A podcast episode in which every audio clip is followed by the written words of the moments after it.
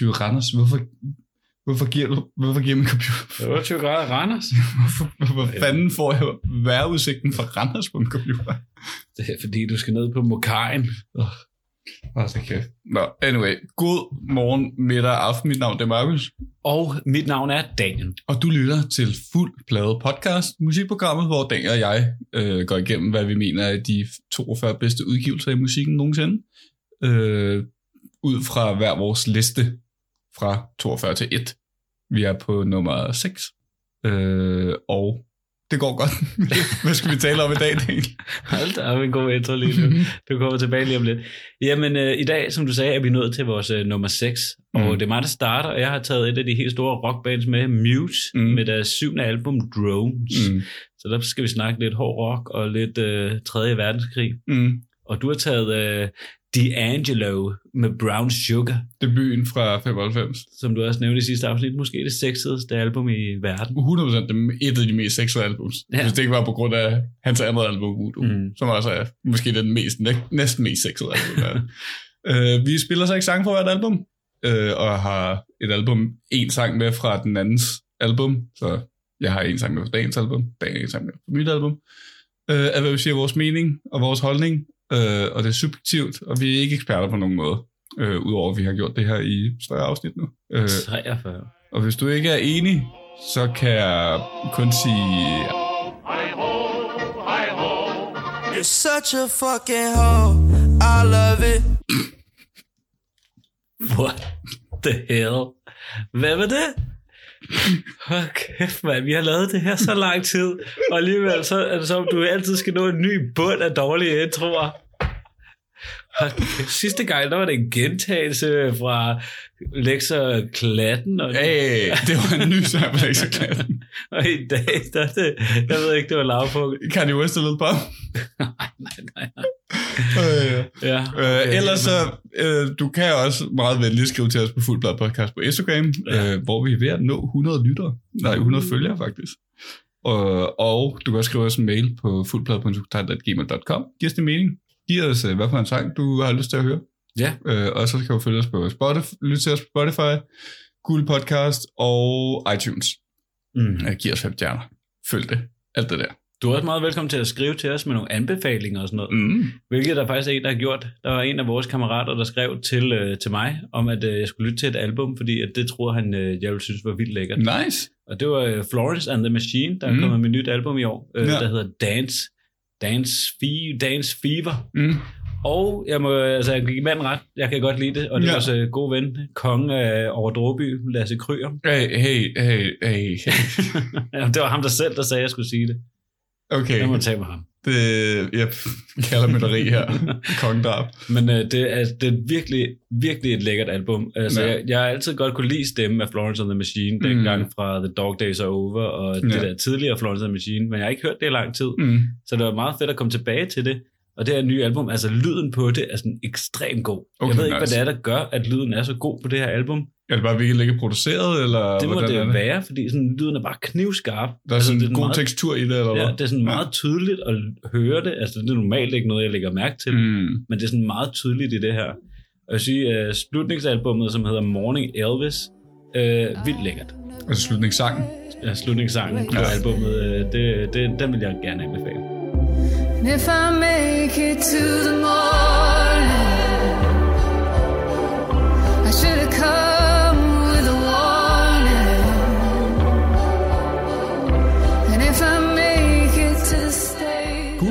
du lyttet til noget i den her uge? Øh, jeg har, altså jeg har lyttet til det, vi skal lytte til naturligvis. Øh, så har jeg haft sådan en lille, jeg ved ikke, kaninhul, jeg engang med mig var nede i.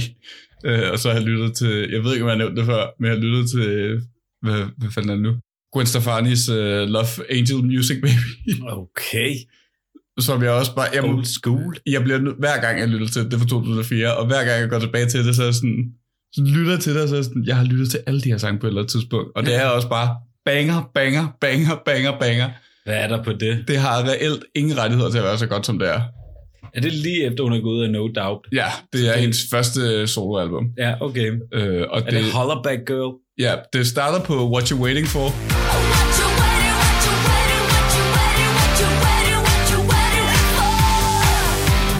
Så kører den ind i Rich Girl.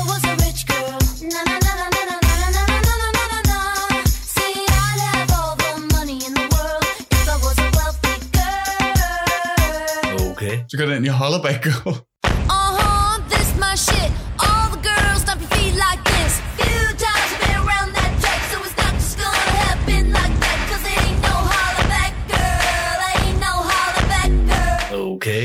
Så kører den ind i, jeg mener, den kører ind i Luxurious, eller et eller andet der omkring. Ah, Fuldstændig sindssygt. Og Bubble Pop Electric, som også bare har sådan et af de mest sindssyge dr- trommeflows, jeg har hørt i mit liv. Tonight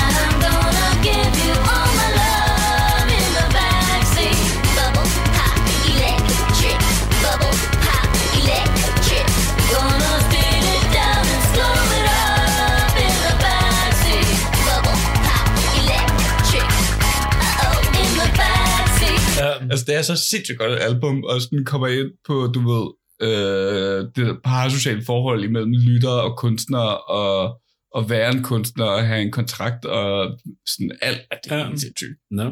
Jamen, dyb Og så- respekt til det her. Også også blandet sammen med, du ved, Stefani's kærlighedssang en gang imellem, Ja. ikke? Og så er der sådan, måske lidt en overfiktion med sådan, øh, noget, der hedder Harajuku Girls, som er sådan en kultur, der er i Japan. Eller sådan, noget. det bliver nævnt ret meget af en eller anden grund. Jeg ved ikke lige, hvad det er for en fetishering. Men altså, Tamagotchis.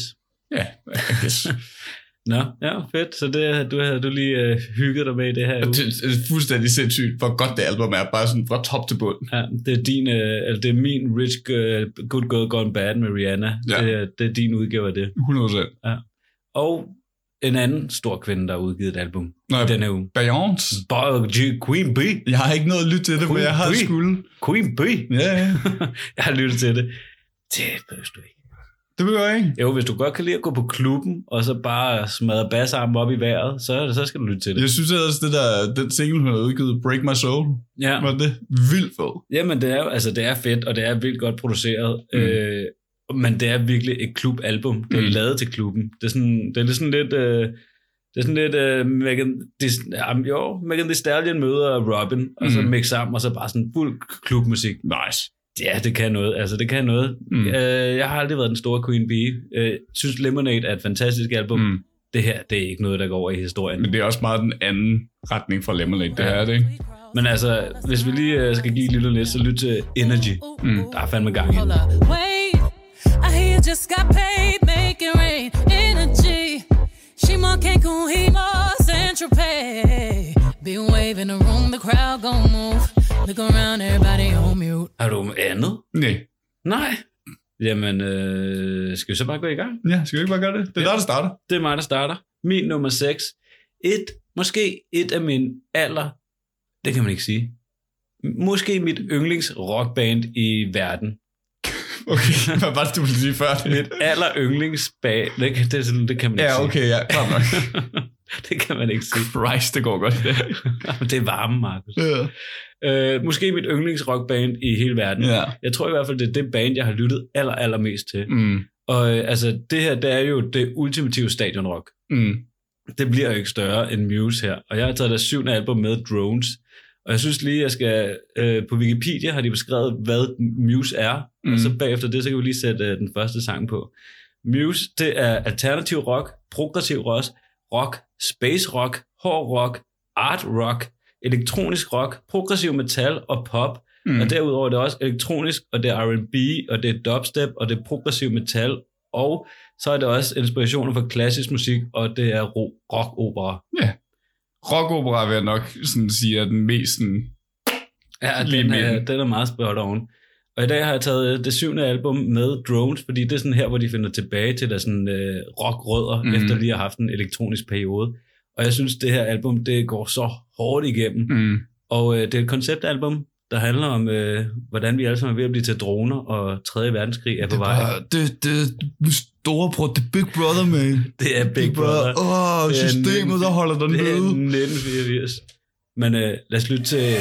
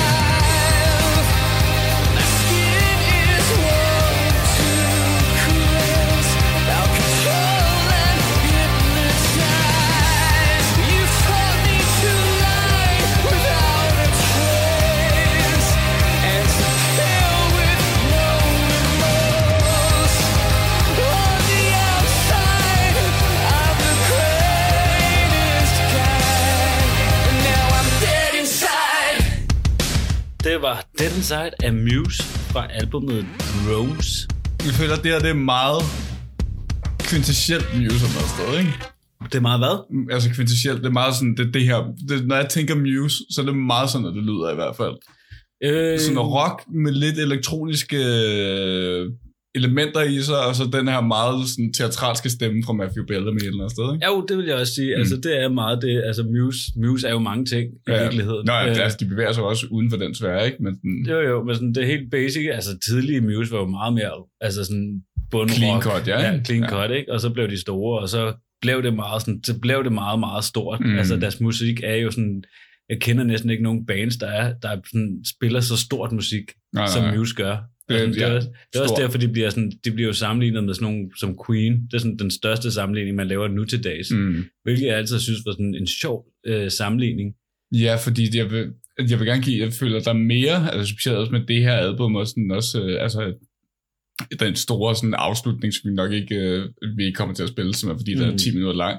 Men der er sådan nogle meget klare sådan yes og øh, rush in- inspirationer ja. Ja. i musikken, føler jeg. Så jeg føler, at det er en mere sådan tydelig sammenligning end Queen. Jo, men så lige præcis den sang, du nævner, The Globalist, Mm. øh, som er ligger til sidst, og sådan en afslutning på albummet, som er 10 minutter, sådan alt muligt frem og tilbage, og hård Mm. rock og sådan noget, det er jo meget Queen. Altså, det kunne jo lige så godt være deres Bohemian Rhapsody, hvor ja. der sker alt muligt Og det, forskelligt, det, men det er og også, en historie. øh, og, ja præcis, men det er også Rushes øh, 2112, der også mm. har det samme med de her flows, der ligesom kører op og ned Ja. ikke? og så starter den med klaveret.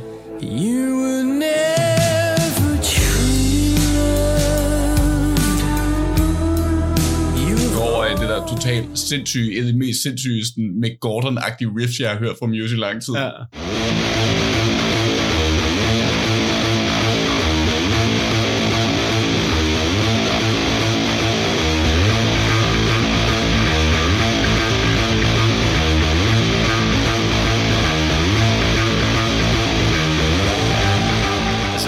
Klip om, hvordan lige præcis den der The Globalist, nu snakker vi meget om sang, vi ikke kommer til at spille. Mm. Men lad os bare få det gjort, det der, så, for den er fucking fed. Den er virkelig fed. Altså, det er 10 minutter afslutning på sangen, som handler om, hvordan 3. verdenskrig Mm. ender, og alt, man smadrer alt med atomvåben og sådan noget. Ja, ja. Øh, men den starter jo bare med to minutter, hvor det er helt stille, og det bare stryger. Mm. Og så i, har jeg set et, et, et YouTube-klip, hvordan de lavede den, og så står Matthew Bellamy, han står bare og smider med ting, en stole og sådan noget om bag i, for at skabe de der lyde, der kører Mm. i baggrunden.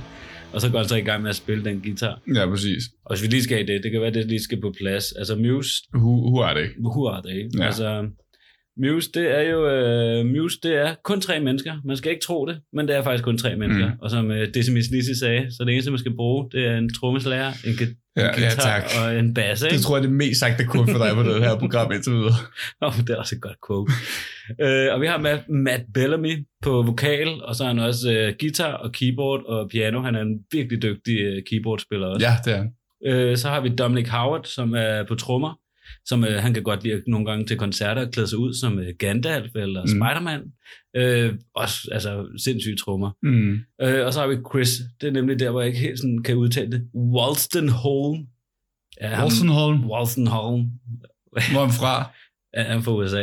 Nej, han er fra England, undskyld. Det er et Ja. britisk band. Men Ja, fra har, hvad, har nogle andre rødder?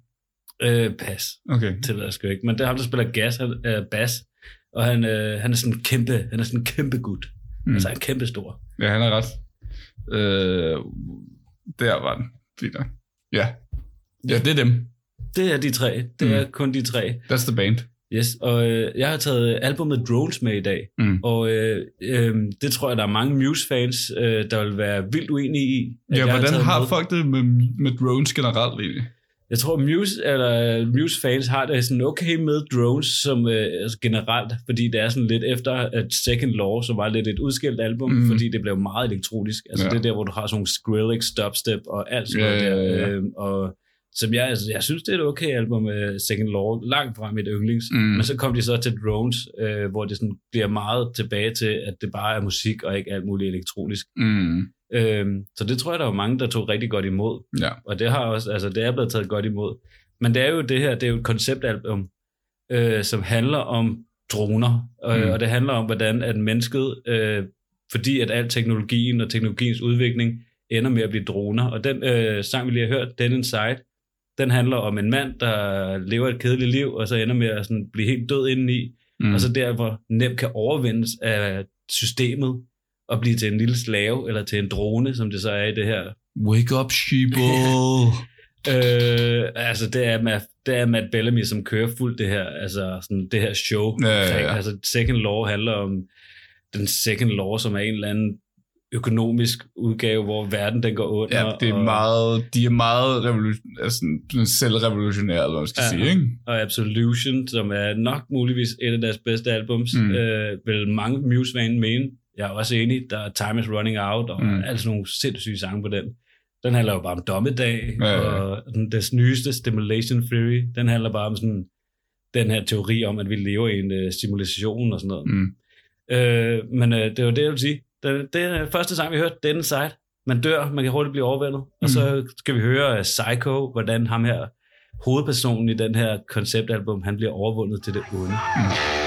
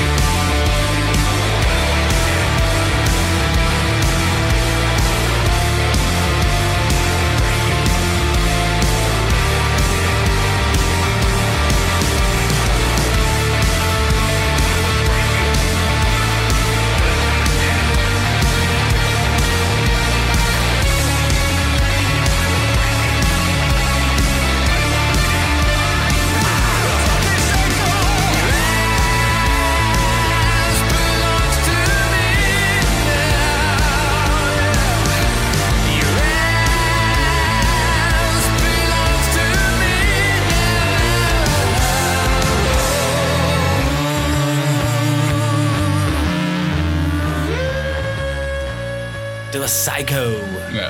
fra Drones fra 2015. Det kommer måske lidt til at afsløre sådan, hvordan jeg har det med Muse. Ja. Nå, hold kæft, hvor er det corny, en sang. What? Uh, your ass belongs to me now? Ja. Because I'm a psycho. Your ass. Jeg synes, det er så fedt. Jeg kan, slet, jeg, kan ikke, jeg kan ikke stå det. Det er simpelthen så corny for mig. Også det der, sådan det hele det der drill sergeant, Ja. sådan bit, der kører henover. Sådan, oh, you're a fucking pussy. I say, you're a fucking det er, pussy. det, altså, det er jo en del af, det er jo helt, en del af hele konceptet i det her. Ja, ja, I get it. Og det er også, øh, altså, det er også meget, det er meget Muse. Og det, altså, det er helt klart de Ja. der rock-opera sådan, uh, tendenser, der kommer ind i det. Sådan, I get it, det er 100% det. Men Ja, jeg må også sige, sjovt. sådan, det er ikke for mig. Det er sjovt, for jeg kan slet ikke se, hvordan du kan så lytte til Tool, og du kan lytte til alt det der, altså, uden at kunne lide det her. Og jeg kan ikke se, hvor forskellen er. Ja. Hvor er, altså sådan, fordi det er jo også meget sådan musiknørderi, Muse, Tool, Jo, jo. og det er jo også den, altså, og den teksterne er sådan, det ved jeg ikke, er det så det mere dybe i det? I, Men det er sådan, instrumentelt er det jo, altså instrumentelt har jeg, altså, jeg har sagt det her mange lang tid, men altså, jeg føler 100% sådan, både alle medlemmerne i Muse, fantastiske instrumentalister, ikke? Altså Mm. geniale på deres instrumenter, og sådan, deres indflydelse kan man høre i, i rigtig meget musik, der er kommet efter det. Altså, det er slet ikke det. De er, Ja. kæmpe, de er knivskarpe, det er slet ikke det, men det er sådan lidt med sådan stemme, der ligesom, altså Matthew Bellamy stemme, Ja. og også de her bevægelser, så er der sådan øh, overforseringer, som man godt kan Mm. lave en gang imellem, ikke? sådan er der øh, mange, der har det. Ja, det irriterer mig lidt. Og så nogle, altså også nogle af de her tekster, der bliver, det bliver lidt for sådan, hvad skal man sige, sådan selvhøjtidlig revolutionær teori, ikke? Altså det er ikke sådan en revolution på den så, så modsigt. men det er Du ikke har Rage Against the Machine, Nej, du ja, har... men her er min, her er min pointe, fordi Ja, ja, det er ikke, ja. revol- det er ikke, det er ikke at sige, stramme op til revolution, eller at sige, der er noget galt i systemet på den samme måde, som du ved, Rage gør det, eller Tool gør det til en tendens, hvor det er mere Ja. sådan, der, det er mere en fællesskabsfølelse omkring det. Muses brand er, er det her revolution, for mig i hvert fald, og det er 100% mig, der Mm. måske læser forkert ind i det, eller bare ikke kender dem godt nok, fordi jeg helt sikker på, sådan, både Matt og alle de andre er totalt gode mennesker, er slet ikke det. Mm. Men det bliver meget sådan, når jeg er frelst, eller sådan, se mig, se mig, sådan, om jeg, jeg kommer ud af maskinen, homie, du kan også komme ud af maskinen, hvor det sådan, stop nu med at tale om maskinen, og lad os tale om, sådan, hvad det er, der Altså, gør, hvad er problemet, ikke? Det, altså, det ved jeg ikke, det synes jeg faktisk er fuldstændig forkert. Ja, hvor, ja. hvor jeg synes, at uh, Tom Morello og resten af gutterne i Rage Against the Machine. Mm. er meget mere frelst. Altså, de er jo sådan lidt, okay, vi ved bedre, og alle skal bare opføre sig ordentligt, ikke? Mm. Hvor Muse er meget mere sådan objektiv. Okay, det her, øh, det her med, at vi kigger for meget på vores telefoner og teknologien, og at vi mm. nu kan styre droner og dræbe folk, det er Men det et er problem. bare- men det er så- vi et det er bare så- et overfladeargument eller et sted, ikke? Altså, det kører ikke ligesom ned i sådan, hvorfor er det, at teknologien er sådan, eller hvad er det, der har lavet det på den måde eller et sted? Og det kan måske være, det bare... Det, og det tror kan, jeg måske også. Og det kan fede måske være, det, det kan måske også bare være, det sådan, den genre, eller den, det space rock, sådan, som ja. Muse bevæger sig i, ikke tiltaler mig selv meget, så derfor har jeg ikke så meget lyst til at dykke ned i deres tekster heller, ikke? Nej, Så jeg får ligesom kun det der overfladebillede af, hvad det er. Men det er stadig vildt svært ved at se, for jeg kan ikke, altså sådan musikalsk, eller sådan, bare hvis man fjerner hans stemme, fordi det er der rigtig mange, der har det med hans stemme, at de ikke kan fordrage den. Mm. Øh, som jeg synes, han er en af de største rockmus eller sådan stemmer i historien. Mm. Men der er rigtig mange, der ikke kan lide hans stemme. Men sådan Mm. rent instrumentalt, så er det jo en hård, hård lyd, som minder meget om det, du lytter af heavy metal og sådan noget. Nej, overhovedet ikke.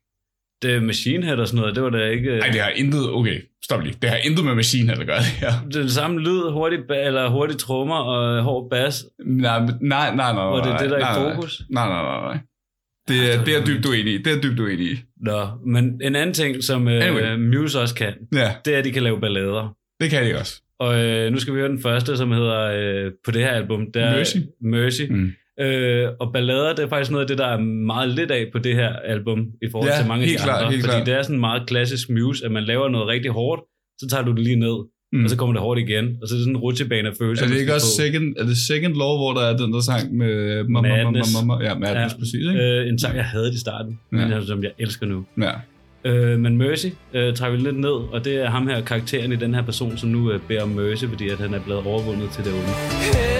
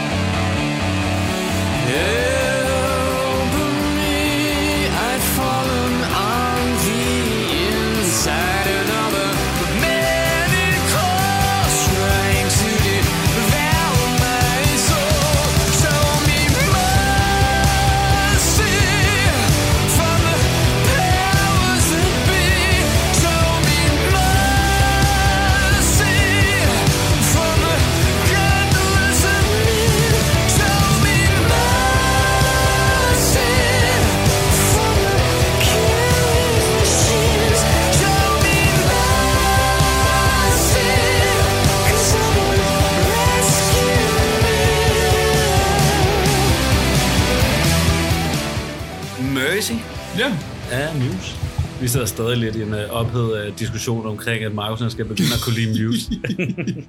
Det er sjovt. Men det er sjovt, det er sådan, alle Muse-fans reagerer, når jeg sådan begynder at have de her hot takes på det. ja, fordi de er forkerte. Ja, ja, Det- det, det, er fair nok. Men altså, altså, det er også det der med, at vi snakker om, altså sådan et, altså du siger selv, det er ikke fordi, at uh, du skal være hipster omkring det, og ikke kunne lide Muse, fordi, at, fordi Muse er blevet mainstream. Og det er netop det, fordi jeg tror, at det første folk siger er sådan, åh, oh, det er bare fordi, det er blevet mainstream, så kan du ikke lide det, fordi det ikke er undergrund mere, hvor det er sådan, det er, det er ikke noget med det at gøre. Jeg er lytter, 100%. jeg lytter til masser af mainstream musik. Jeg synes, at Ariana Grande laver bangers. Jo, det, er det er sjovt at sige. Det er sjovt at sige. Ja. Det er federe, altså, ja, fuck det. Uh, Muse, uh, jeg har en lille, uh, jo, men det er en diskussion, det er sådan en diskussion, vi kunne have længe, tror jeg. Mm. Vi skal også snakke lidt Lad os om tage, noget, hvad er der med det her album, sådan produktionsmæssigt?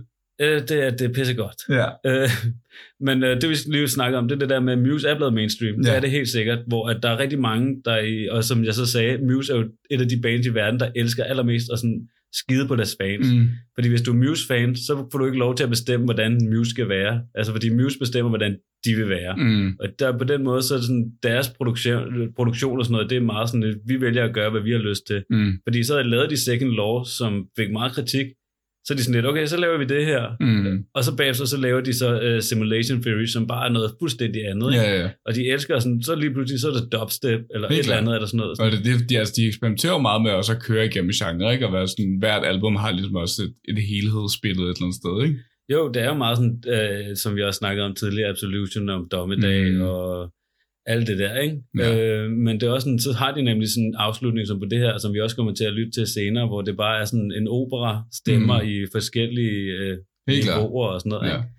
Men øh, de startede, det er et band, der starter i England. Det er et britisk band, som starter i en lille by, der hedder Teignmouth.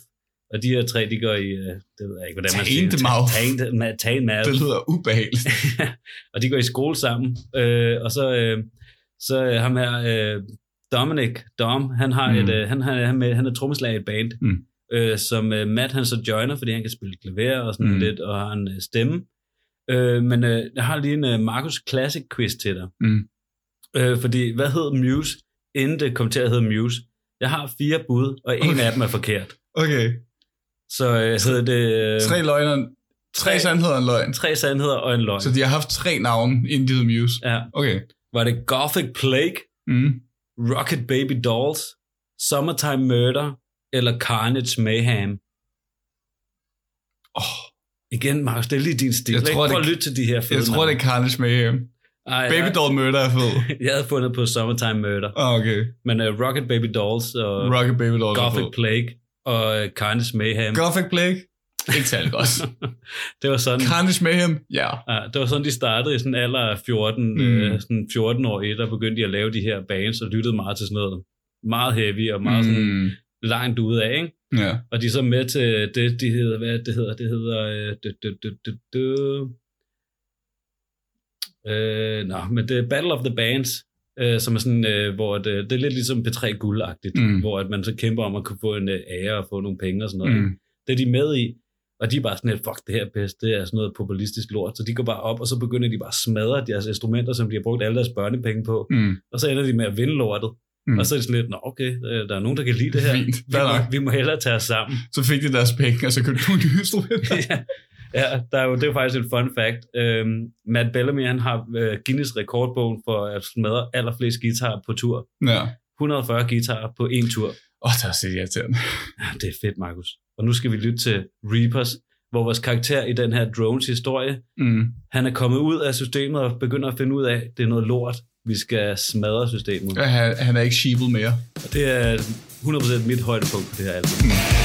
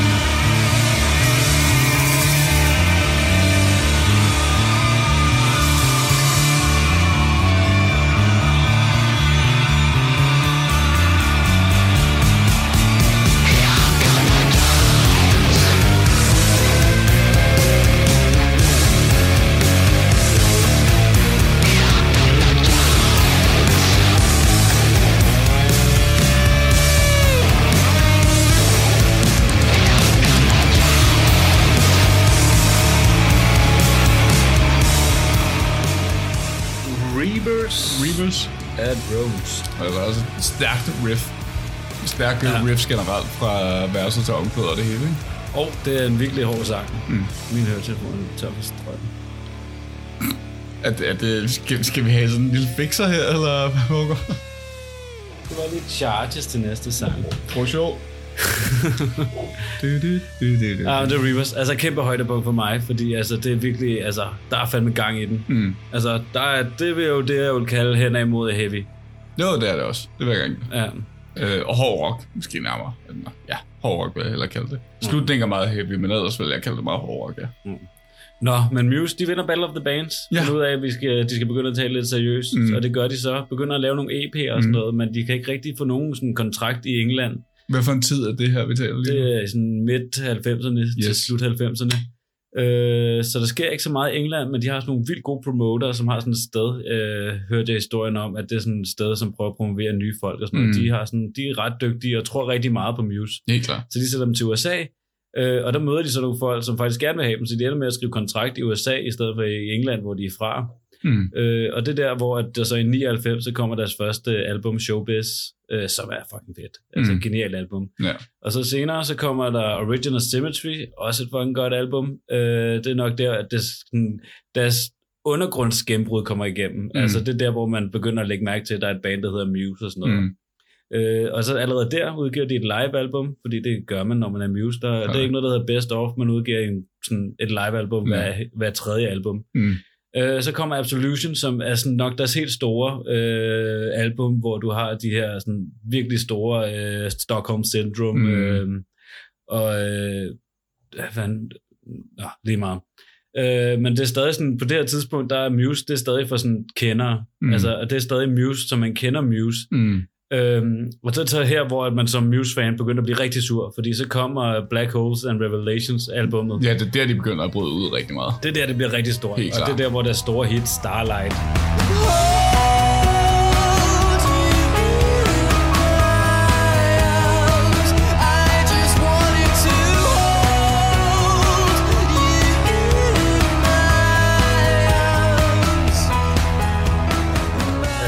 Som, som er det, man sådan, flest, der kender Muse, de kender den sang. Ikke? Mm. Og det er her, hvor de sådan rigtig for første gang sådan pisser deres fans af, fordi nu er det begyndt, nu begynder, hvad sker der? Nu begynder de at lave pop, eller hvad? Ja, ja, ja. Og det bliver folk sindssygt sure over, og de er med i FIFA. De har en sang med i FIFA.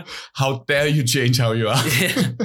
at de har sagt med i spillet FIFA. Det er der, jeg, jeg kommer med her. Det her, hvor jeg som Muse kommer med, det kommer ud i 2006. Mm. Så det her, jeg hopper på mit Muse-tog. Så jeg var Helt en af dem, der, der kom på grund af, at jeg hørte Starlight, og tænkte, Ja, det skulle da ja, en ja. meget fed sang.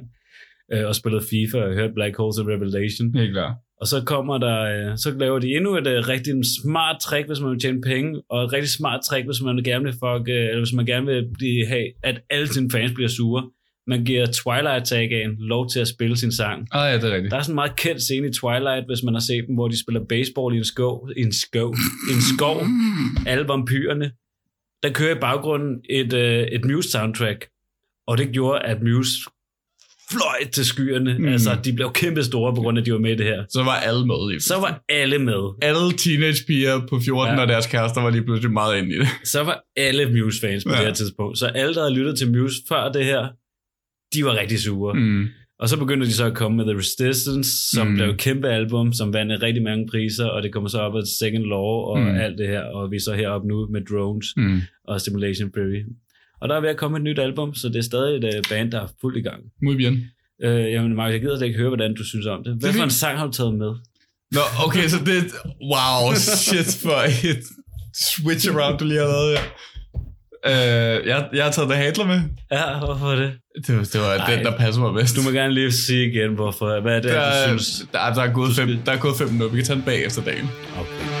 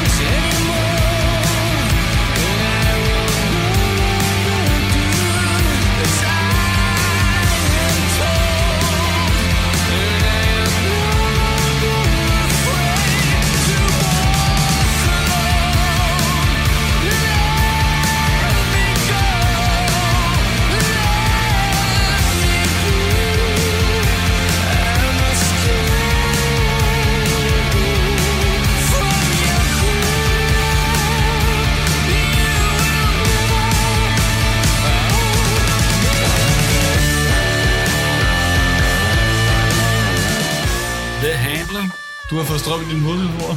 Nej, nu skal bare sidde oven. Nå, det her program? Åh, ja. Øh, det er jo her, hvor vores øh, protagonist, i, øh, fordi vi har lige hørt Ja, The hvad, Reaper. hvad sker der her i konceptet? Vi har jo lige hørt Reaper, og det er der, hvor han begynder at sige, fuck dig. Ja. Og det er her, hvor han så faktisk siger, nu skrider jeg. Ja. Så det er faktisk, og det er, jo, det er jo faktisk meget godt valgt af dig. Han tager den kontrol over sig selv. Det er der, hvor han øh, tager kontrol og Ja. det handler i stedet for. Ikke? ja. Øh, Jeg gætter. er der noget, du gerne vil sige, Mark?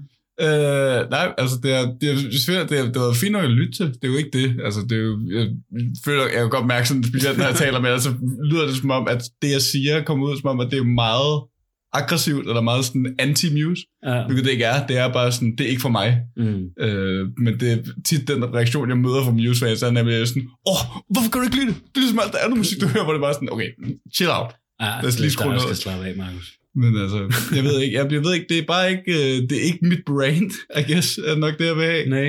det vil frem til, fordi jeg kan ikke rigtig forklare det, fordi det er sådan, jeg synes, riffsene er fede. Øh, Jeg synes, de er rigtig gode instrumentalister, så det bliver det bare sådan lidt, at det er, altså, Er det koncepterne, du synes er irriterende? nej, ja, det er lidt det der, deres sådan udgave af den her revolutionære ting er meget, du ved, altså det du læser sådan, hvis du går ind på en hvilken som helst Reddit-tråd eller et eller andet, hvor der er sådan, r slash uh, I'm out of the matrix, eller et eller andet lort, Mm. mm. ikke, ikke? Så Jo. det er meget det her, jeg føler, der kommer frem. Så nogle af de her tekster er sådan, det her med at være sådan, åh, oh, så er det drones, fordi det er ligesom, du ved, dronefly, men det er også ligesom om, vi mennesker er droner, fordi vi er kontrolleret af manden, men det gør jeg så ikke mere, hvor det er sådan, okay, Øh, I get it, det er fint. Ja, det er ikke helt rigtigt, vil jeg sige. Men, det er Altså- også, men samtidig så er der også, øh, der er jo elementer i det, jeg synes, der er fede, og det er også derfor, jeg sådan nævnte Globalist meget hurtigt til at starte Mm. med, fordi jeg ville rigtig gerne have haft den med, men den er bare fucking lang. Ja. Øh, men når jeg lytter til musik som øh, Mick Gordon, der har produceret soundtracksene til de to nye Doom-spil, Mm. øh, fra 16 og fra 19 eller 20, det kan jeg ikke helt huske. Øh, den lyd, han har,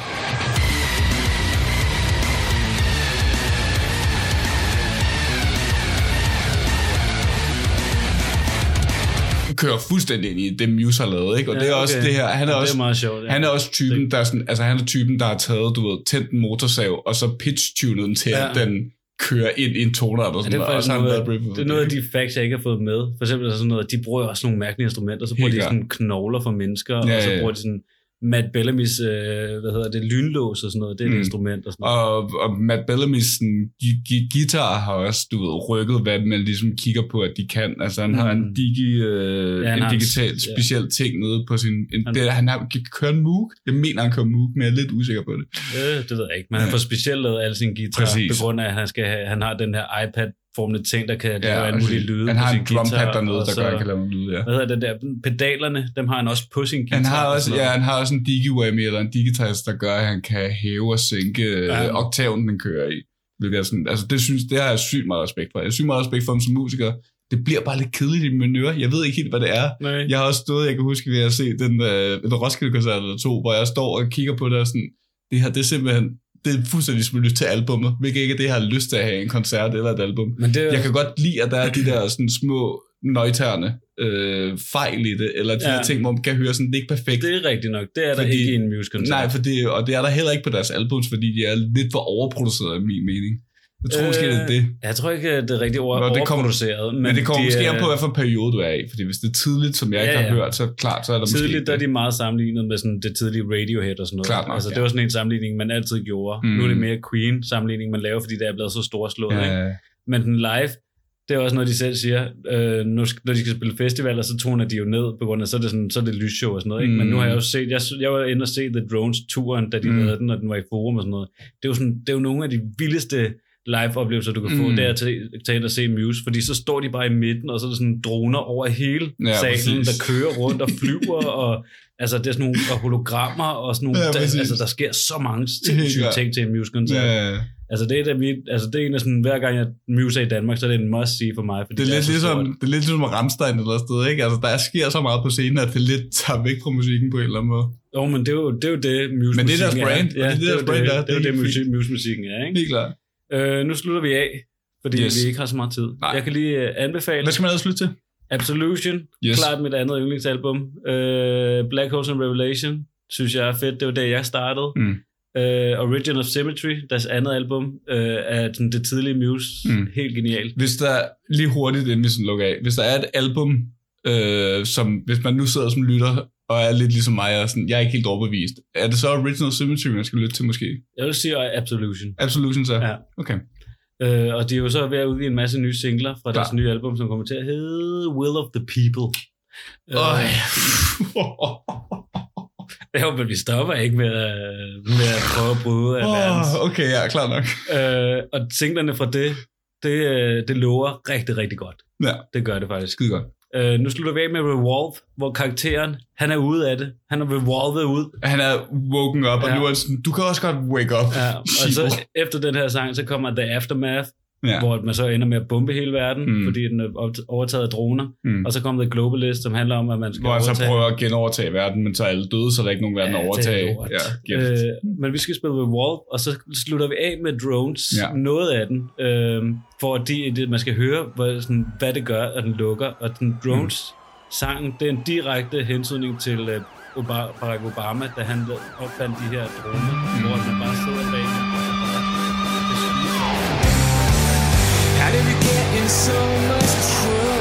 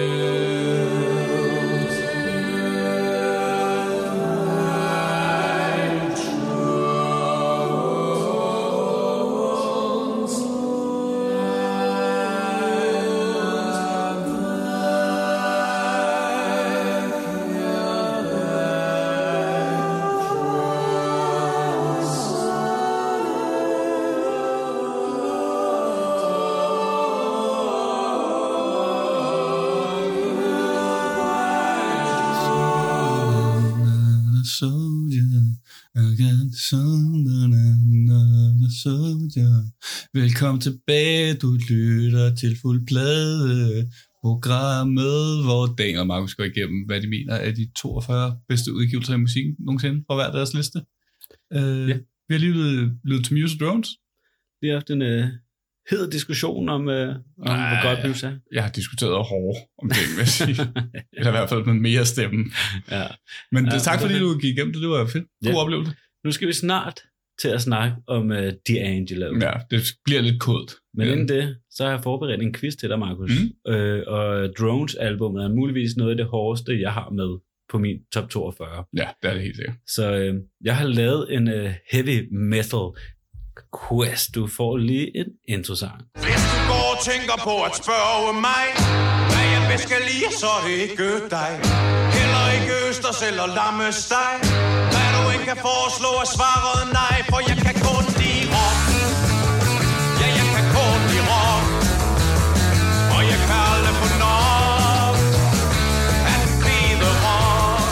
kan godt lide, at du kaldte det en heavy metal quiz, og så ser jeg sangen, jeg kan kun lide rock. Og jeg havde glemt min intro, fordi jeg ville bare gerne spille den her sang. Okay, Og det var Shubidoo med fed rock. fair nok. Og jeg kan kun lide rock.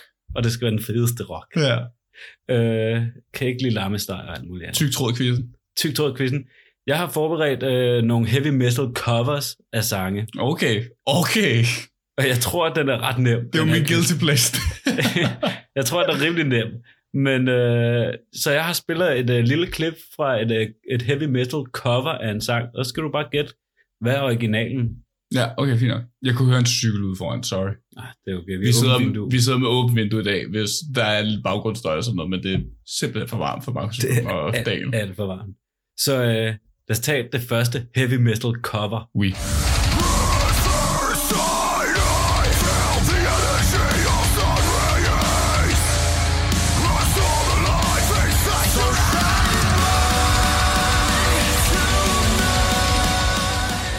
Okay, så er vi i gang. sådan.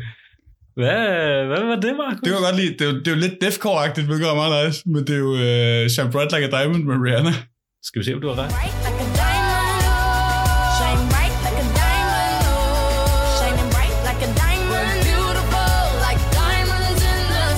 Det var nemlig korrekt. Det var Shine Bright Like Diamond. Hvem er bandet, der har lavet cover? Uh, Any Given Day. Ah, okay. Ja. Okay? Ja, Ja, I know. Ja, okay, ja, I don't know. I'm aware. Vi, uh, vi uh, tager den næste.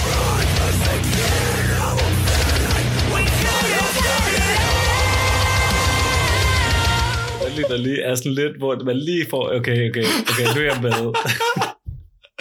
okay. Det var bandet Arnøst. Men hvad var, hvad er originalen? Uh, rolling in the Deep med Adele. Skal vi se, om du har ret. Okay.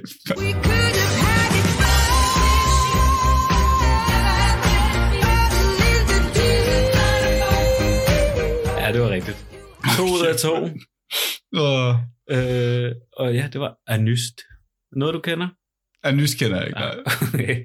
Øh, den nummer tre. Det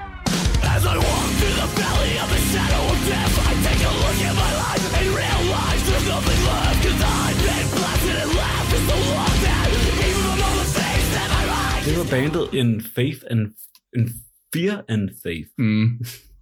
Uh, det er jo Gangsters Paradise med Coolio. Det er nok meget muligt. Ja. Lad os lige høre originalen.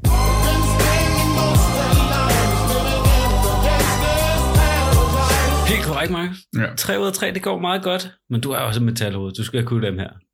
Jeg ved ikke, ja, ja, jeg ved ikke, om det har så meget med det at gøre, men fint nok. Der er intet med det at gøre. Vi tager et til.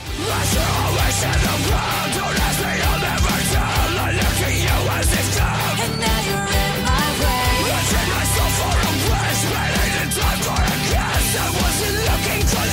And now you're in my way.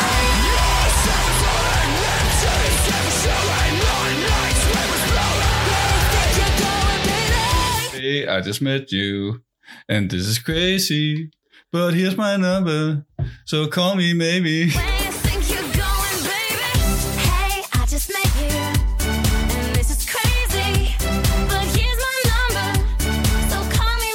Det var nemlig uh, helt korrekt, Markus. Hvem var bandet? Uh, The Animal in Me. Nope. Nej, jeg ved det heller ikke.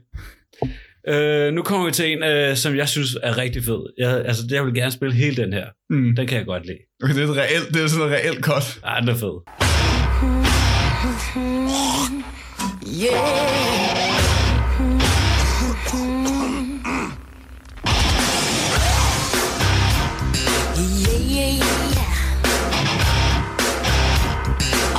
yeah, yeah, yeah, yeah, yeah, yeah.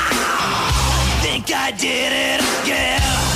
I made you believe we're more than just friends. Oh, baby. Og øh, Hit Me Baby One More Time med Britney Øh. Spears. Nej. Nå, hvad fanden er det, den hedder? Uh, uh, ups, jeg tror, du har glemt. Ups, og det der igen. Ja, det er sådan der. Det er Children of Bodom, der spiller det. Ja, det er rigtigt. Ja, det er jo...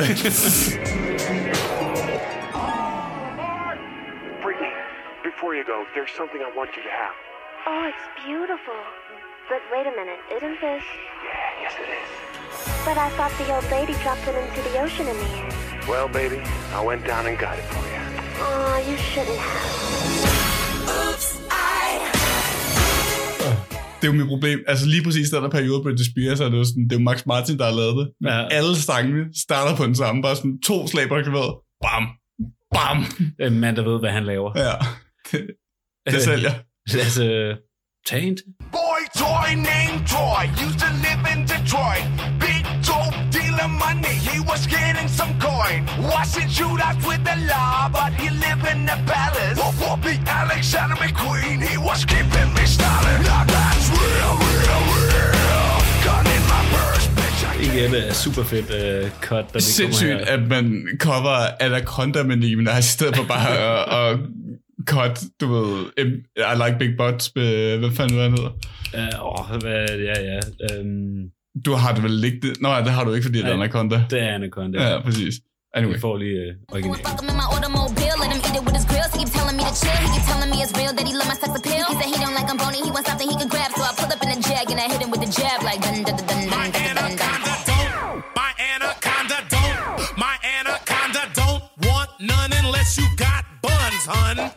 Det var faktisk den sidste, Markus. Fedt. Du fik alle rigtigt. Fuld til uh, en uh, fuld pladekop til dig. Fuld bladkop. Fedt. Øh, hvis man synes, det her det er grineren, mm. øh, så kan jeg varmt anbefale den Instagram-konto, der hedder Catatonic Youths.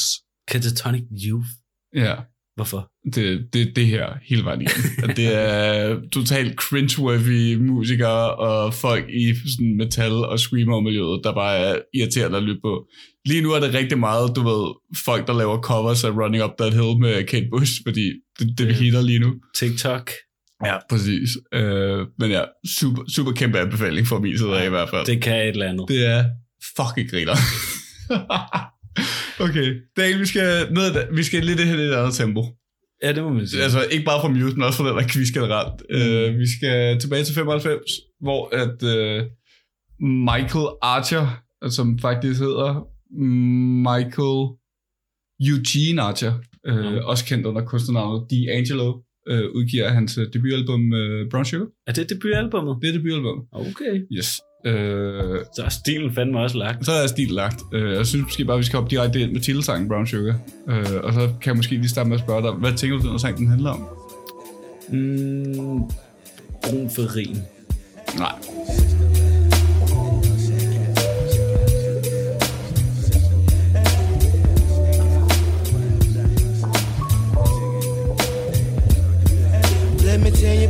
Girl.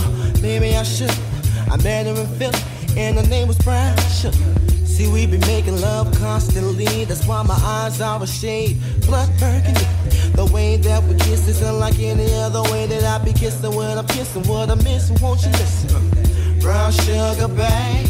I guess high up your love, I don't know how to behave.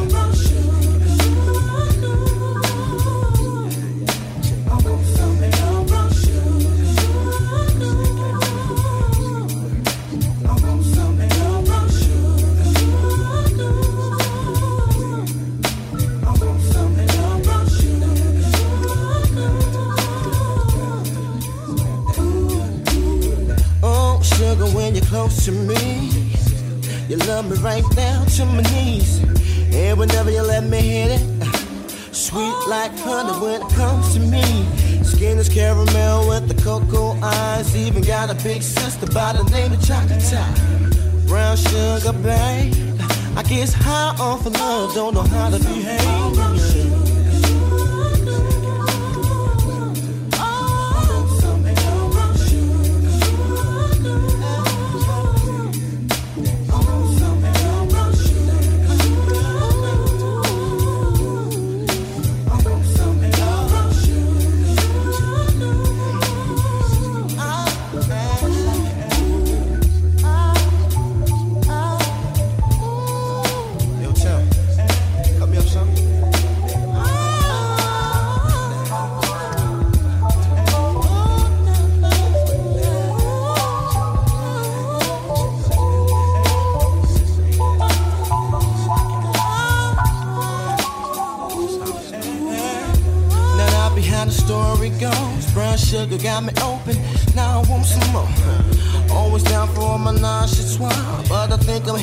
Hold my niggas don't mind.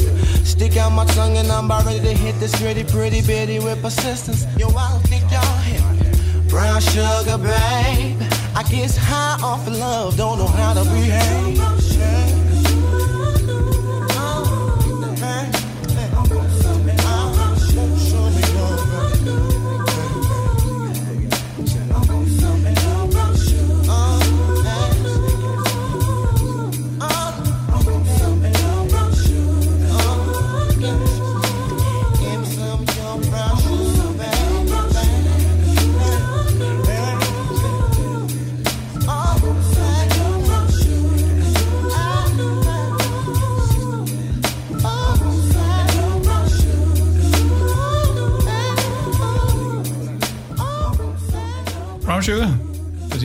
95.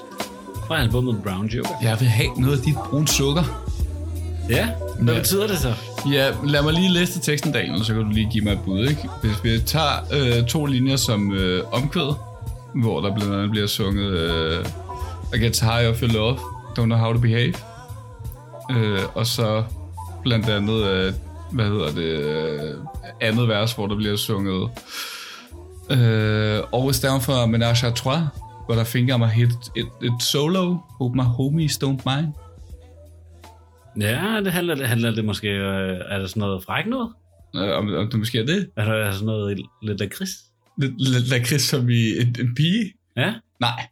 Det handler om... What? Det, det er en sang om... det, eller, det er en sang om Marianne. Eller marihuana. Er det rigtigt? Ja, præcis. Er det The Brown Sugar? Det er The Brown Sugar. Men brun sukker er det ikke sådan noget heroin? Nej, what? Nej, ikke i den her kontekst. Nå. Men øh, jeg kan godt se, er hvor du vil hen. Jeg kan godt se, hvor du vil hen. øh, men ja, det her det er titelnummer. Det er, også lidt, det, det er jo den her sang, der også på mange måder ligesom eksploderer D'Angelo på scenen, ikke? Mm. øh, krediteret som en af dem, der var med til at starte det, der hedder Neo Soul. Eller Ny Ny Soul. Soul, ja, okay. præcis. Sammen med Erykah Badu, Mm. Øh, Kom- Erykah Badu. Common, The Roots. Øh, ja. ja, præcis. The Roots. Fedt. Sådan nogle ting, ikke? Øh, det var meget dem, der ligesom kørte den scene på det Ja, tidspunkt. Øh, D'Angelo har så senere været ude og udtale sådan noget med, at han synes, at øh, termet og genren var lidt irriterende, og det var ikke noget, han ville definere sig omkring. Jeg bliver lidt Mama's Gun med Erykah Badu. Ja. Albummet. Sindssygt. Bag Lady, Mm. sindssygt god også. Øh, men ja, at det, jeg tror også, det har noget at gøre med, sådan, at øh, D'Angelo også nok ligesom de fleste kunstnere er det her med ikke rigtig at sætte sig ned i en genre, eller i hvert fald sådan kaninholde sig selv for meget et sted, ikke? Altså ja. Ligesom, ligesom præcis som de fleste kunstnere så ender med at gøre, bare være sådan, jeg laver musik, og det musik, det lyder Ja, sådan ja, det her, klart. og det er lidt det, ikke? Så det kedeligt at bare blive sat ned i en kasse. Ja, præcis. Eller i hvert fald sætte sig selv i en kasse, ikke? Så det er jo lidt det der genre, tænker jeg i hvert fald også, er meget noget, som lytteren putter ting ned i, og så Mm. musikeren laver ligesom bare det musik, de laver, og så må det bare være det. Ja, det er men det er meget rigtigt. ja, øh, meget inspireret af Prince, som sikkert kan høre, og du ved, Al Green. Øh, Det kunne, faktisk, det kunne faktisk godt være præcis der, midten er. D'Angelo, Al Green, Prince, det er meget godt. Så lige midten, Ja, ja, der præcis. har man uh, D'Angelo. Og Stevie Wonder også, ikke? Altså, det er jo Ja, ja. Det er også det, han voksede op med. Han voksede op med en bror, og så en far og en mor, hvor de gik fra hinanden ret tidligt, og så startede med at bo hos moren, men flyttede tilbage til faren i New York, efter han øh, begyndte at jage en musikkarriere. Faren er så præst, øh, og han har så spillet i, i hans kirke i mange år på året og sådan noget. Øh, Altså D'Angelo. Ja, præcis. Ja. Øh, kæmpe multi-instrumentalist. Hele albumet her, som vi øh, går igennem nu, Brown Sugar, at debuten er jo også skrevet, produceret, komponeret og... Øh, hvad står der ellers? Arrangeret. Ja, af D'Angelo. Yes. Altså, det vil altid være imponerende. Ja, præcis. Øh, der er lige Cruisen, som vi kommer til at spille et cover af en gammel sang øh, fra Robinson. Øh, men ellers er det hele ham, medmindre der så er skrevet noget andet. Ikke? Ja, øh, altså- hans, hans ekskæreste har også været med til at skrive en af sangene, Mm. faktisk. Og lige meget hvad, så det er jo bare altid sindssygt imponerende, at man kan det. Ja, præcis. Og det her, det er også det, altså for mig er det, grund til at jeg også har det album med, at jeg har det så højt også. Sådan, det er et album, jeg tror, min storebror introducerede for mig på et eller andet tidspunkt for lang tid siden. Mm. Og så har det bare ligget konstant, øh, altså på min musiksmag i så lang tid. Jeg kan høre det her hver dag. Øh, og der var også lang tid, hvor det bare var, det, altså det var bare de her to plader, som der er på den her dobbelt LP, der bare lå på min pladespiller. Ja, Altså i mange år. det, jamen, det kan jeg godt forstå. Eller Ja. sådan, det kan jeg godt forstå, fordi det er jo sådan, det er jo så lækker en lyd. Mm. Altså, det der foregår, er jo bare så lækkert, og så rart at have i ørerne. Ja, ja, og det er, du kan mærke, der er rigtig mange fine detaljer, og du kan både lytte til det sådan lidt i baggrunden og stadig være der, men du kan også sådan dykke ned i det og mærke nogle af de her sådan mærkelige skæv, skævheder, der er i det. Ikke? Det er et Mm. meget naturligt klingende album, ligesom jeg også talte om det med Jeff Buckley. Ikke? Altså, du kan virkelig høre nogle af de her rå naturalier, der ligesom er i det. Ikke? Hvilket ikke giver mening, men altså de rå sådan, naturlige elementer er, at det er instrumenter, der bliver spillet på, og det er ikke... Mm Mm. indspillet, og så digita- digiteret, sådan, så det hele står knivskarpt på et slag. Hvornår er Øh, det fra? Det er fra 95, Okay, øh, det er og- også øh, ældre dato. klart. Og apropos det der med, at det ikke ligger helt klart på det, altså på, på et slag og to slag, og sådan knivskarpt på, ja, præcis det er, ikke? Ja, ja, ja, jeg, jeg er med. Dreamy Eyes of Mine, som vi skal høre nu, Mm-hmm. Me and Those Dreamy Eyes of Mine, øh, har Questlove, tromslærer Andrew Roos, der har arbejdet rigtig meget sammen med D'Angelo, specielt på det næste album, der kommer efter det her, talt om, at det har virkelig meget den her sådan fulde tromslærer-følelse, som D'Angelo også var meget kæmper for sammen med Jay Diller, der også er sådan en gammel producer. Mm-hmm. Øh, er også fordi, sådan, det kører sådan lidt ud af takt på et tidspunkt. Det bliver ligesom lidt skævt. Så jeg synes virkelig, man skal lytte efter trommerne, lige have takten i hovedet. Ja. Sådan, Så det var sådan lidt, vil det være sådan lidt jazz agtigt eller hvad? Øh, nej, det er meget det her. Okay. Altså, det er meget sådan soul-funk, øh, og så specielt det brand, som Jay Diller også lavede, ikke? Lad os lytte. When I first saw you, baby, baby, baby, I wanted to die. Me and those dream eyes of mine started to cry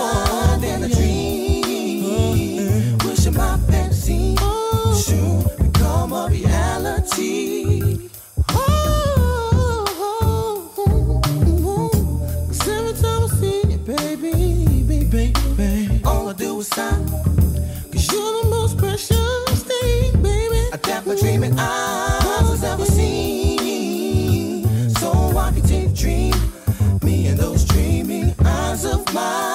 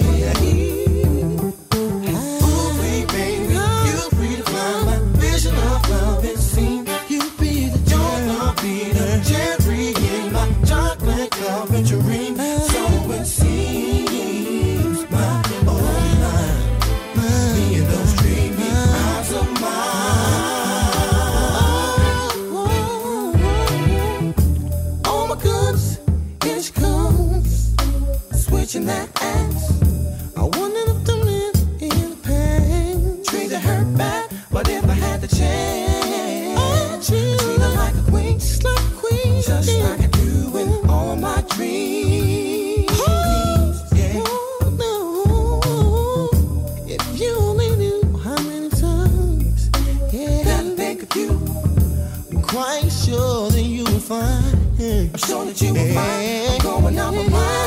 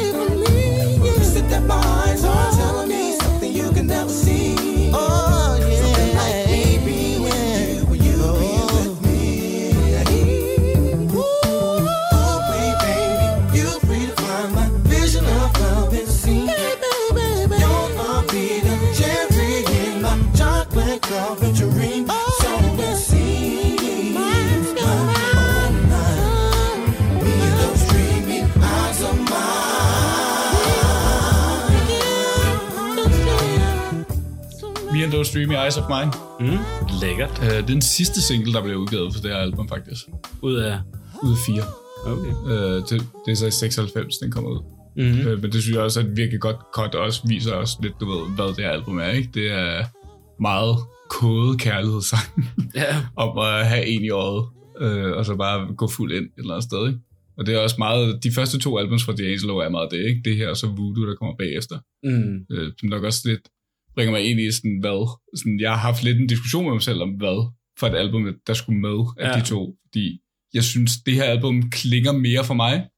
Nok også bare fordi det er det, jeg har hørt mere, og det er det, der ligesom introducerer mig til hans musik. Hvad er det store hit på Voodoo? På Voodoo, det er Untitled, How Does It Feel?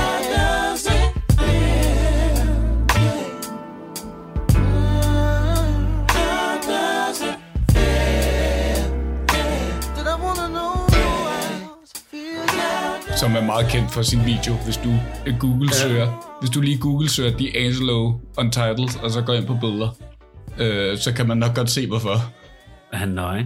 Ja, men prøv lige at gøre det, fordi det, Det kan han næsten også på coveret. Ja, præcis. Flot, fl- flot mand. Ja, præcis. Men det er, den video var meget, du ved, den kørte rigtig rundt og gjorde lidt D'Angelo til et sexsymbol. Ja. Hvilket er sjovt, fordi da han udgiver Brown Sugar her tilbage i 95, der er han ikke det. Mhm. Mm. Øh, der er en producer, jeg mener det er Ali Sahid Mohammed, som man måske kender fra Tribe Called Quest, øh, der havde udtalt, at øh, da han laver det her, der var han sådan lidt, lidt småfedladet dude, der bare var rigtig god til at spille musik. Ja. Og når den sang kommer ud, og Voodoo så kommer ud, ikke, så bliver han lige pludselig bare et sexsymbol på okay. en dag. Jeg Øh. kan, huske, jeg kan huske, at øh, du introducerede mig til øh, det her album. Mm. for sådan i vores spæde Københavnerår. Lige da Mm. vi flyttede til København, da vi lavede noget, der hed Listen. Nå ja. Det spørger vi ikke gå dybere ind i. Genial Genial Spotify playlist, ikke? Kæmpe koncept. ja. øh, hvor du introducerede mig til det her album, mm. øh, fordi det bare er musik, der er god til at have sex til, fordi det Mm. er sådan lækker lyd. Altså, Ja, det præcis. lyder bare godt. Ja, præcis. Og det har også rigtig meget det. Men det, der er med det her album kontra Voodoo, som jeg virkelig overvejet med, er, at sådan, historien er ikke så spændende på Brown Sugar her. Øh, Udover at du ved, sådan, altså, det der sker er, D'Angelo vokser op, og jeg mener, at hans storebror har en historie om, omkring da han er 6, han er født i 74, øh, omkring da han er 6 eller 7, eller sådan, der kommer hans storebror ind, og finder ham med, at han sidder ved klaveret og sidder og spiller Prince. Nå. Altså i den alder, ikke? Ja, okay. øh, så, og så begynder han så at spille i kirken, og kommer ud, finder band, stiller op på The Apollo Theater til sådan en amatørnat, Mm. øh, vinder sammen med hans band, hvor de vinder 500 dollar. Det bruger han så på at købe øh, en øh, øh, fire-spors optagemaskine, en four-track recorder, Ja. øh, og et lille øh, elektrisk klaver, øh, ja, et lille keyboard, øh, og så indspiller han så demoerne øh, til det her album Ja, okay. øh, i 91, Det er 92. imponerende nok i sig selv. Klart nok, ikke? Øh, og så og går der lige nogle år, sådan et år eller to, og så er der nogle pladefolk, der begynder at se ham og høre de her demoer, og så bliver det så til det album, ikke? Øh, så det, og det er lidt det. Ja. Øh, og så eksploderer det jo på scenen, og han arbejder sammen med Rafael Sadiq og Ali Mohammed, som jeg lige har nævnt, ikke? Mm. Bliver introduceret til Questlove. Rafael Sadiq, legendarisk basspiller. Ja, Vi præcis. så ham til øh, NPR-festival med Prince. Ja, præcis. Øh, super god. Mm. Øh, så, og så begynder han jo bare at bevæge sig i det der miljø, ikke? Altså arbejde sammen med Tri- A Tribe Called Quest og The Roots og Erykah Badu, og, og så er det bare sådan voodoo-album, og har bare den der sindssyge historie om, at sådan, det her album kommer ud, skaber rigtig meget succes for D'Angelo, øh, og som pladeselskabet bliver også sådan, okay, du får nogle flere penge til at lave et nyt album. I 98, efter han har kørt, kørt ud på en tur, hvor at han spiller sådan en halvanden time show eller sådan noget, sætter sig ind nede i Electric Lady Studio, som jeg ikke kan huske, hvor ligger, i hvad for en by. Ikke LA eller sådan Ja, det tror jeg, det er. Men det er jo altså, det er et studie, som øh, Jimi Hendrix Mm. lavede lige inden han døde, og hvor Stevie Wonder også har indspillet Songs in the Key of Life og sådan noget. Og der sætter han sig ned sammen med Questlove i sådan flere måneder, hvor det bare er de to køber for 1000 dollars plader om ugen, eller et eller Ja. andet, og sidder og lytter til en masse musik og prøver at finde ud af, sådan, hvad er det, der gør, Det- det- laver et tidløst album, ikke? Det er et sted, jeg virkelig gerne vil være i mit... Altså, hvis Mm. jeg kunne vælge et eller andet sted, jeg gerne ville have været i mit liv, så er det inde i det studie, de Ja. måneder der. Og de, øh, de, de to, Questlove og D'Angelo, var sådan, de har ligesom tre Yodaer, kaldte de det, hvor det var Prince, mm. og Joni Mitchell og Al Green, så de ligesom var sådan, de her folk okay. ved, hvordan man laver et tidløst album, så det var bare det, de lyttede til, ikke? Griner. Og så, altså, så kommer folk ind, sådan, uh, Questlove rykker hele The Roots produktion derned, så de indspiller på samme tid med, at D'Angelo indspiller, Erykah Badu kommer derned og indspiller også på samme tid, Common gør det, Jay Dilla gør det, så det bliver bare så et kæmpe kollektiv, som Ja. de ender med at kalde Soulquarians, fordi de alle sammen var Aquarius i deres stjernetegn. Super stilet. Men, oh, men det er vildt nok alligevel. ja, ja, men det, og, det, og det bliver bare til sådan, altså det bliver til, altså det bliver til fem kæmpe albums, eller otte kæmpe albums, og de vinder alle sammen Grammy'er på det. Ja, og sindssygt. platinsælger, så det er sådan, det er en historie, jeg er ked af, at jeg sådan ikke kan gå mere i detaljen med. Ja, men det er også, det altså, det er også en vildt fed historie, at de bare sådan sidder der og nørder for at skabe noget godt, og så skaber noget Ja, ja, præcis. Øh, det er det. Øh, jeg synes, vi skal lytte til en anden single fra Lady. godt. Øh, nok mit højdepunkt. Ja, og det er også øh, et kæmpe hit og super fed. Don't think I'm looking at you. All of them wishing they could have you. And as a matter of fact, a bunch of them for you to scratch them. I'm trying to hide what. I'm trying to come with the rain.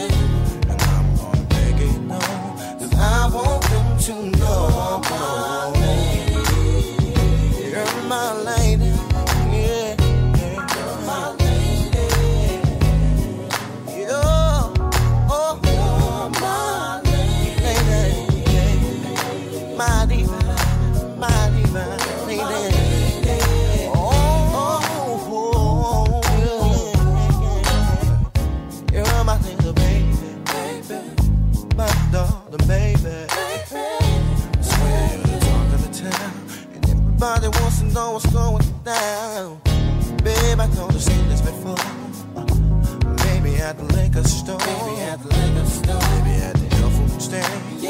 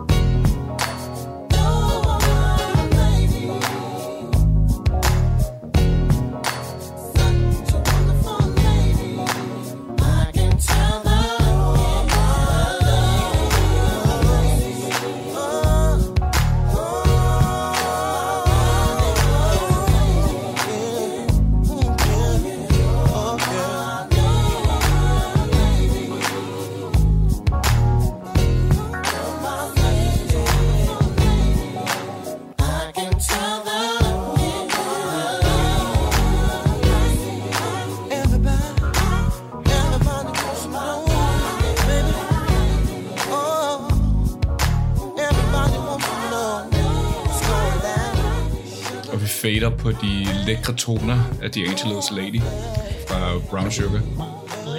Ja. Det er også det, jeg synes, det er det, det kan. Og det er også det, fordi det, det er meget sjovt for mig, at det her album ligger så tæt op af Sign of the Time, som jeg havde med sidste gang. Ja. Fordi der er mange af de samme kvaliteter, ikke? Der er sådan... Det er, også, altså, det er jo klart, at D'Angelo er så tydeligt inspireret af Prince, man er. Mm. Men det her med... Øh, han har også selv udtalt sådan, at han var også typen, der sad og læste bag på creditsene, hvem der havde været med ind over produktionen og bearbejdelsen af album, ikke? Og så Ja. når han læste bag på Prince, var han sådan, okay, det er en reel artist, det her. Og det er også det, jeg gerne vil lave, så det er også derfor, han har så meget kontrol over det, ikke? Og er blevet den der multi-instrumentalist, som man er, ikke? Kæmpe, kæmpe musiknørd, der Helt. bare vil det hele selv. Kæmpe musiknørd. Ja, det er meget sejt. Og det, og det er jo også, altså, men samtidig er der så også, ligesom Sign of the Times har det her også en vis råhed, føler jeg, Mhm. i forhold til, til lyden, og at du kan høre nogle af de her sådan, små skævheder, øh, og sådan rigtig lækre produktionstricks i, hvor simpelt det egentlig er, ikke? Fordi der er jo ikke meget andet end keyboardet, bass, trommer, guitar, og så vokalstemmer. Nej, det er, altså, det er jo vildt, øh, vildt simpelt. Mm. Også tekstuniverset er forholdsvis simpelt, Ja, og præcis, det, der sker, er også en rimelig gentagende. Den- Det er meget det samme, ja. der sker i sangene, så det er jo vildt simpelt, mm. øh, men bare en meget lækker lyd. Helt klart. Og det er måske også det, der så er, du ved, hvad skal man sige, øh, øh, krykken ved det her album, ikke? At mm. det netop, det kan godt blive meget, det kører lidt i sig selv på et tidspunkt, ikke? Sådan, tingene lyder lidt af hinanden, eller der er ikke, altså, der er ikke den store udvikling tekstmæssigt eller sådan noget. Mm. Men så selv når du så har det, så har du også, ligesom på Lady her, øh, der er et meget fedt øh, interview med Thundercat, øh, bassisten, øh, hvor han bliver interviewet af Noise, mener omkring hans yndlingsbasslinjer. Og han nævner nemlig basslinjen i den der. Oh, okay. Og at han skulle spille han skulle spille med D'Angelo omkring 14, da hans tredje album kommer ud. Øh, og når han så sidder i øvelokalet og skal spille øh, lige præcis Lady, øh, så ender han med at spille for mange toner. Så Raphael Sadik, der så også har været med over det her album, han er sådan, okay, du gør det forkert. Nå, okay. Du spiller alt for meget, hvilket er meget thundercat-agtigt.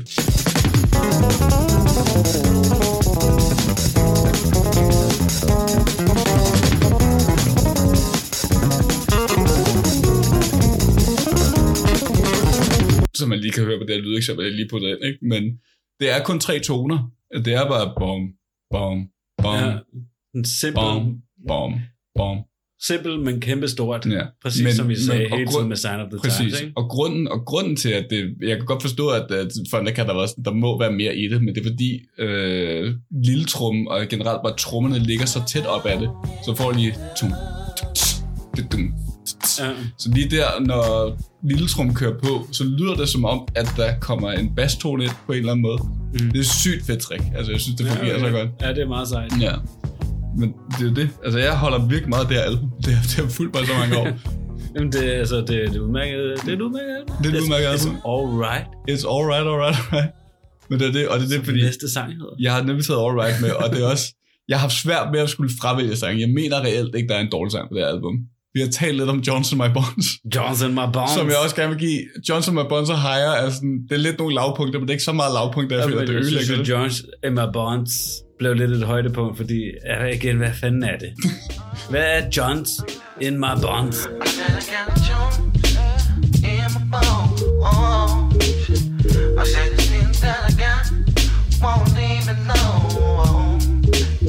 Johnson My Bonds er Jones in My Bones.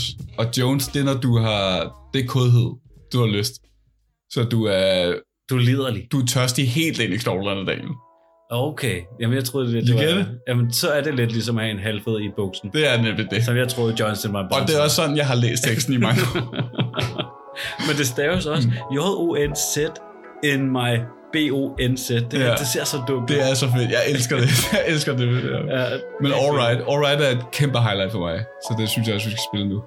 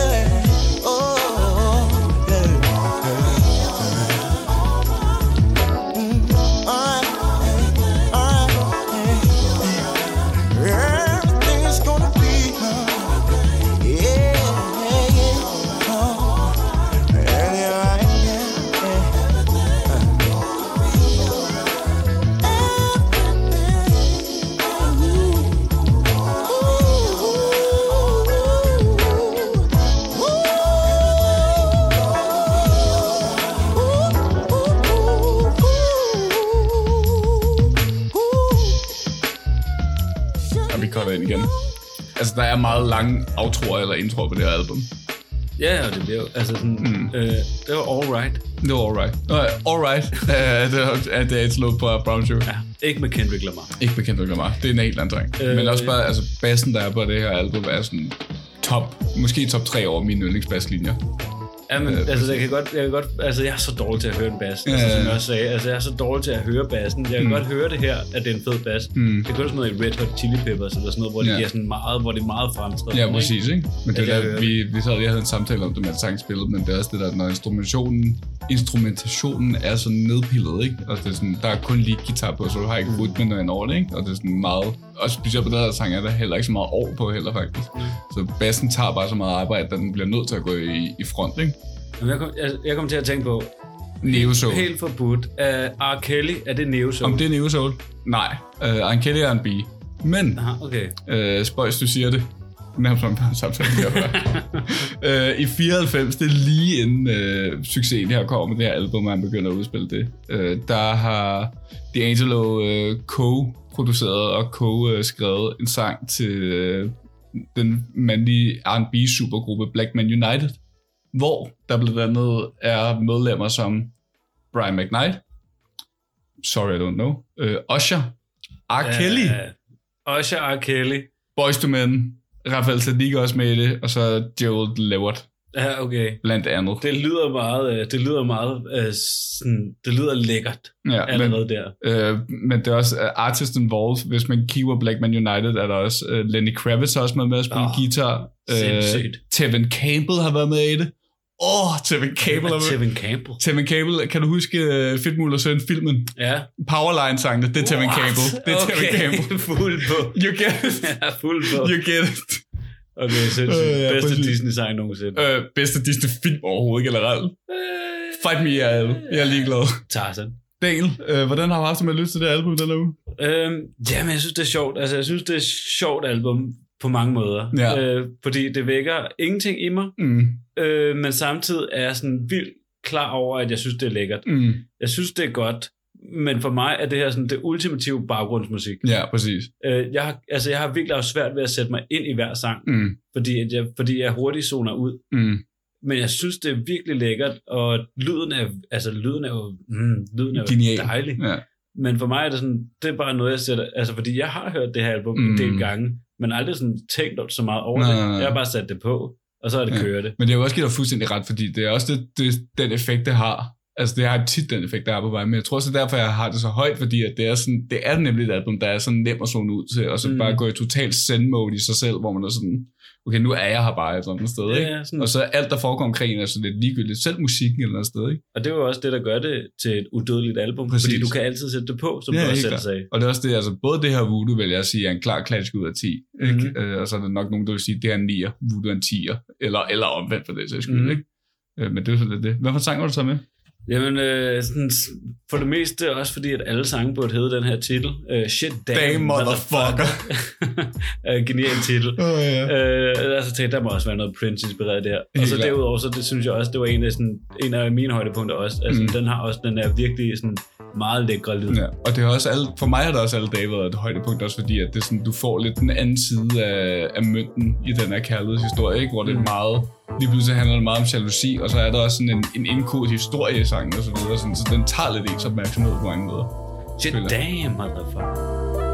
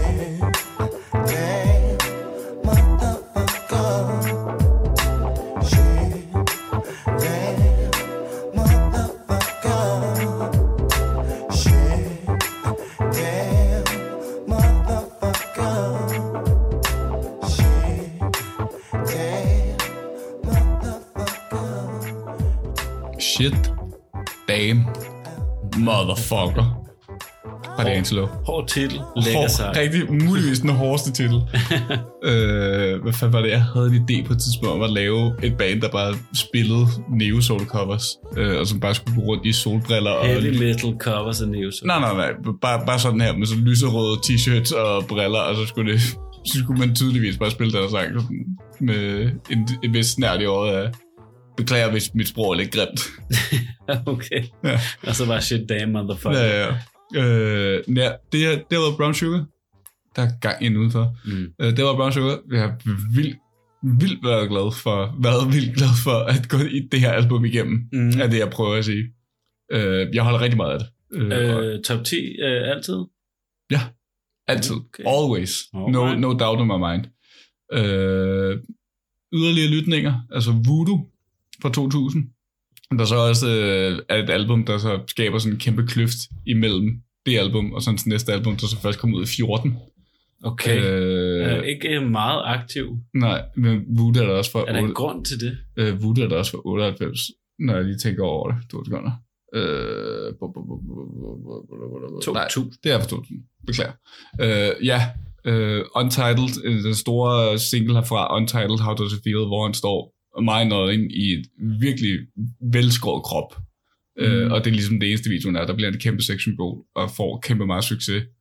Øh, men ender så også ned i et stof- og alkoholmisbrug, øh, Mm. og kan ikke rigtig håndtere succesen. Så han går i rehab og skal lige prøve at finde sig selv igen, og har sådan en writer's block øh, oven på alt muligt. Nå. Øh, så det ender faktisk med, at der ikke kommer et album før.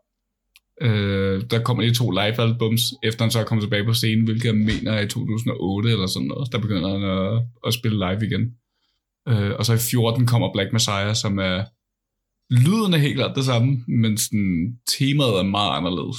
Ja. Øh, der er stadig nogle kærlighed... titlen måske lidt. Ja, der er stadig nogle øh, kærlighedssange her og der, men det er meget i forhold, altså det går meget ind i kampen for sorte rettigheder, og mm. kigger, kigger lidt mere ud af på mange måder, ikke? Men det giver også meget mening, når Black Lives Matter som bevægelse starter i 13 og sådan noget, der har han jo helt også været en del af Ja. det, ikke? Så, altså, Ja, okay. øh, det er et vildt spændende album. Jeg har lige lyttet til det igen. Hvad skal vi slutte af på? Jeg synes, vi skal slutte af på Smooth, som også er et kæmpe highlight for mig. Som er som en sang, som hvad titlen siger. Ja, præcis. Ja. Kæmpe smooth, og også bare sådan, prøv at, hvis du lige ser en shorty ude på, ude på gulvet, tag lige afstil, så lige tager sang på, og så lige bevæger dig henover. Okay. Det tror jeg er det, der skal til.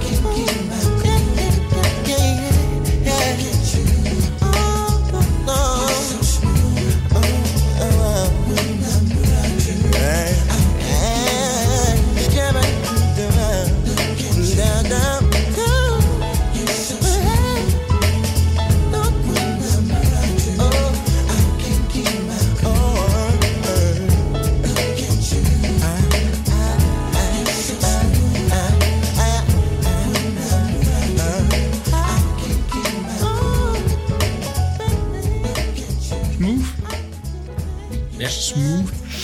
Tak for, øh, tak for D'Angelo, Mark. Selv tak. Det tror jeg også, der er mange lyttere, der siger. Skud til Diatolo selv. Øh. Ja. ja. Øh, beklager, hvis der blev lidt kodet, men øh, sorry not sorry, I guess. ja. Det må vi gerne. Dagen. Øh, Ja.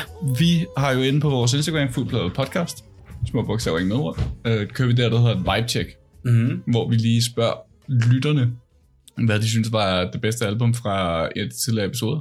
Mm-hmm. Og der spurgte jeg i, øh, i går, onsdags, er det jo så nok heller, jeg skal sige, øh, om det var Good Kid, Mad City med Kendrick Lamar, Ja, tak. eller om det var faktisk med The Reminder. Ah, Hvilket er, Kendrick. det er jo, det, altså det vil jeg give, det er en afstemning, jeg har det svært med, fordi jeg holder begge, rigtig meget af begge album. Ja, To genialt gode albums. Men det er Kendrick Lamar, der løber med sejren. stærkt. Hvor Yes. meget, hvor meget? 86 procent. Ja, tak. Yes, præcis. øh, det kan jeg godt acceptere. Ja, Øh, men det er også en svær beslutning for mig, må jeg sige, fordi jeg er så farvet. det er så fint. Og hvis øh, du har en mening omkring det, så synes du, du skal følge os på Fuldblad Podcast, ikke med ord, øh, små bogstaver inde på Instagram. Eller send os mail på fuldblad.kontakt.gmail.com. Ja, og så er det normalt nu, jeg vil øh, sige, hvad, øh, hvad vi skal høre i næste uge. Mm. Øh, men der kommer til at ske lidt ændringer, fordi vi når ind i øh, den dyre bare øh, top 5. Det er creme eller creme, når nu. Ja, og som vi har snakket om, øh, så kan vi rigtig godt lide at snakke om de kunstnere, som tilhører albummet. Mm. Og det er sådan lidt uundgåeligt, at øh, albummet ikke hænger sammen med, at det også er en yndlingskunstner. Mm. Så vi vil rigtig gerne snakke mere om kunstneren, når vi skal snakke om de her fem album, vi hver har med. ja. Så fra nu af, så, øh, så bliver det 10 afsnit, hvor at øh, vi skiftes til at have øh, noget, der minder om en halvanden time til to timer, Yes. om at snakke om en øh, kunstner med fokus på det album, vi har valgt i top 5. Præcis. Øh, så det bliver lidt, hvis man har lyttet til vores Lauren Hill afsnit, eller vores Van Morrison afsnit, hvilket Mhm. jeg varmt kan anbefale, for de er begge to rigtig gode. Øh, det bliver meget den stil. Vi går Ja. lige igennem albumet i første time, og så tager vi lige det yderligere materiale omkring det bagefter. Og øh, derudover så kan det være, at vi, øh, der går lidt, måske nogle uger, inden øh, Ja. Jeg vi går vej, i gang med ja, jeg er på vej til Japan. Øh, Ja, vej er på vej til Thailand og Grønland, for det der skyld. ja, ja, Så det, øh, men det kan være, måske kommer der et bonusafsnit næste uge. Måske godt ikke. Vi ved det ikke sommerferie. rigtigt. Måske er der sommerferie. Øh, men i hvert fald, næste gang vi skal tale om noget fra listen, der er det mig, der har noget med. Ja, Og det er Deftones uh, Saturday Night Rest. hvad Øh, kan vi forvente der? det er albumet, der næsten brækkede bandet op. Oh. Øh, og måske også lidt, Cliffhanger. også et lidt undervurderet album fra deres diskografi, faktisk. Mange måder. Øh, Ingen idé med det. nej. Udover det, øh, skud til Kora, skud til Fie, skud til øh, Flødeklinikken med noget sang, Piger med pistoler, som du sikkert lytter til længe. Skud til Radio 4, øh, Talentlab, hvor vi bliver spillet fra tid til anden øh, om fredagen, eller om nogle andre dage. Øh, den her fredag, Der er i, med. i fredags er det nok nærmere, faktisk. Ja, Der kan du høre Daniel øh, tale sammen med fredag den 5. oroklerne og min utrolige historie, Ja, Bjørn og, Bjørn og ja, hvor I taler om, hvordan det er at have en podcast. Det kan man finde på deres hjemmeside.